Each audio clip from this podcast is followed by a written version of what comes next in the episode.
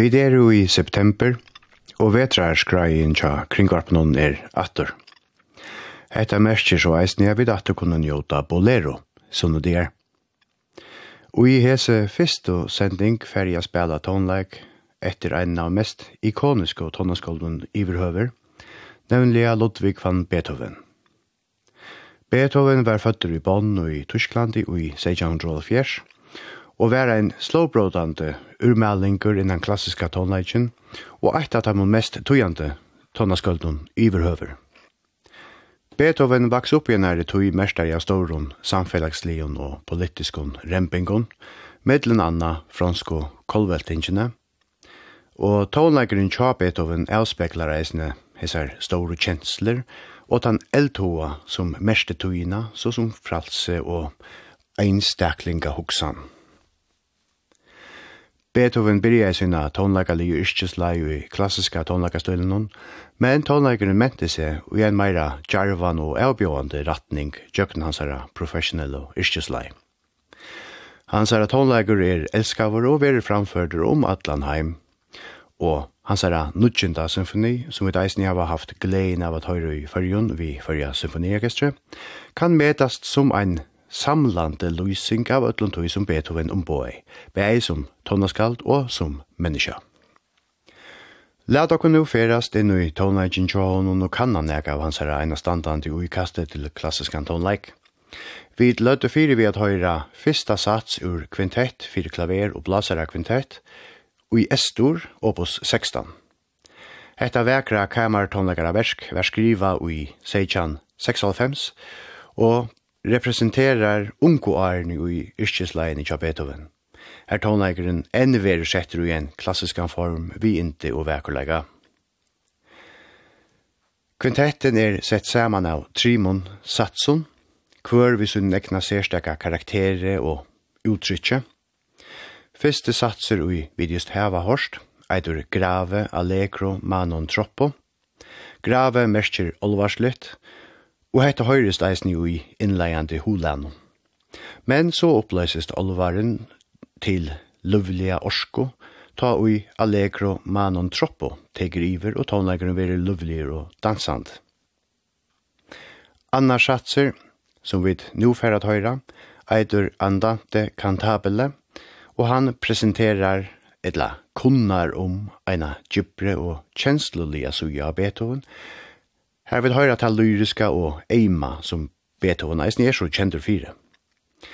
Endelia i tria satse, som heiter Ronto, Allegro Manon Troppo, teker Beethoven noen atter til til Luvlia, ein lufsglad og spelande ente av verskjennom. Det er fransmæveren Pascal Rouge som spiller klaver, saman vi London Winds, og utgavene Beethoven, Quintet for Piano and Winds, og og er en opptøkka fra 1955. Gjør så vel.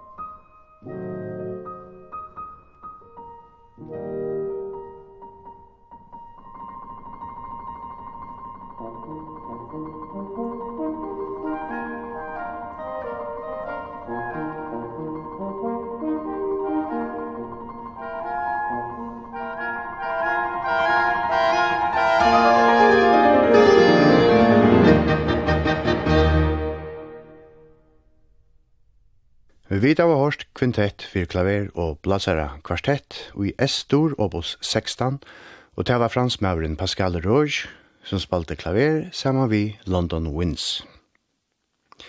Vi tverra så igjen i høyra blasera oktett i E-moll opus 103 etter Beethoven.